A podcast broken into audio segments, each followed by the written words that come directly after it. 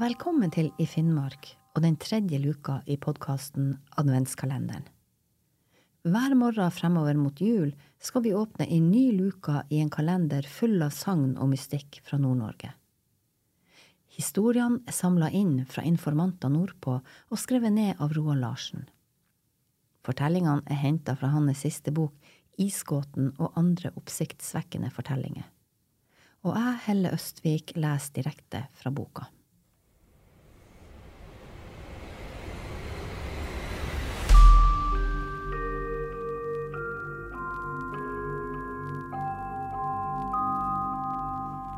Vi åpner adventskalenderens tredje luke med historien Katta som ville tilbake. Jakob og Ella er et par fra et sted på Magerøya, ei stor øy i Nordkapp kommune. I 2014 skaffa de seg ei katt som het Simba, ei svart, spraglete hannkatt. Denne katta var en vennlig og hengiven venn. Øynene skinte av glede når den så eierne. Når Jakob og Ella kom hjem etter å ha vært ute en tur, sto Simba i trappa og kroa seg, ivrig på kos og litt etterlengta oppmerksomhet. Den var også nysgjerrig og utforska alt av gjenstander ved å røre, snuse og smake på dem. Den hadde et naturlig instinkt for å leke, leke utendørs, etablere et territorium, klatre i trær og ta en blund i sola. Ei stund før jul i 2017 tok Simba til å endre atferd. Den begynte å bli tynnere, holdt seg mer for seg sjøl og ville ikke gå ut eller leke. Jakob og Ella forsto nokså fort at de her tegnene ga et vink om at den hadde smerter. Jakob skjønte at det kunne være noe alvorlig, og han prøvde å overse det. Han ville ikke at kjæledyret skulle dø, for han ville ha det her hos dem. Det viste seg at Simba hadde kreft. Den ble fort dårligere og dårligere. En dag i romjula sto Ella opp i ellevetida. Hun ble vekka opp av mjaulyder fra stua. Jakob lå enda i senga, men da han hørte at Ella tok til å gråte, heiv han seg ut av senga. Han skjønte straks hva som var i ferd med å skje. Da Jakob kom i stua, satt Ella i sofaen og holdt Simba i fanget som om det var en liten baby. Simba så på Jakob og mjaua. Mjauingen hadde en lang i-lyd som hørtes ut som et hvinende mjau og Jakob skjønte at det her trykket på i-lyden skyldtes at Simba opplevde smerte og ubehag.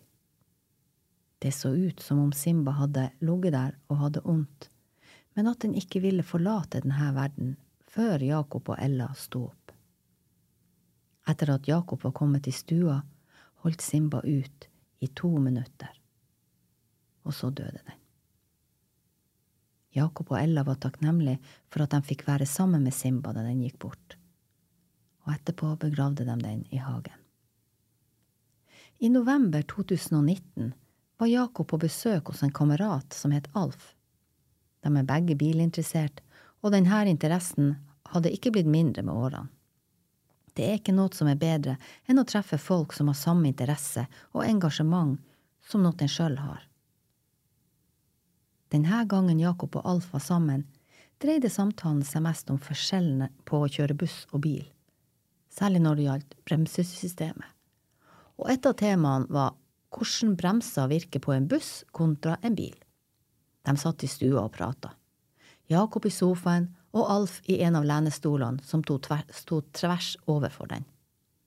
Mens de satt sånn og prata, kom ei katt farende gjennom den åpne kjøkkendøra og inn i stua. Den kom springende i den retninga der Jakob satt, og så han rett i øynene. Jakob skvatt skikkelig til, for han gjenkjente dyret. Herregud, Simba, det er jo deg, du er kommet tilbake, ropte Jakob.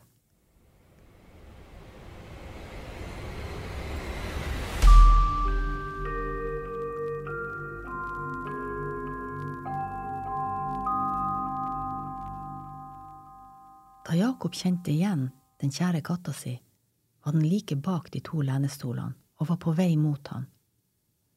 Og da Simba skulle spasere lenestolen som ingen satt i, var det akkurat som om noen bak katta slengte ut en arm, tok tak i den og røska den til seg. Jakob sa seinere at han brukte de to hypotetiske sammenligningsordene som om, fordi han ikke på noe tidspunkt så noen arm som kom til syne.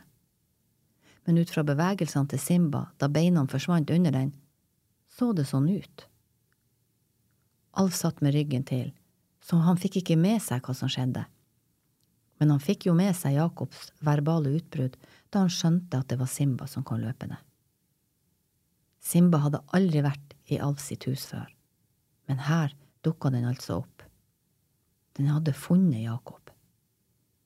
Simba ville til han der og da, men en usynlig kraft hindra den i å nå frem.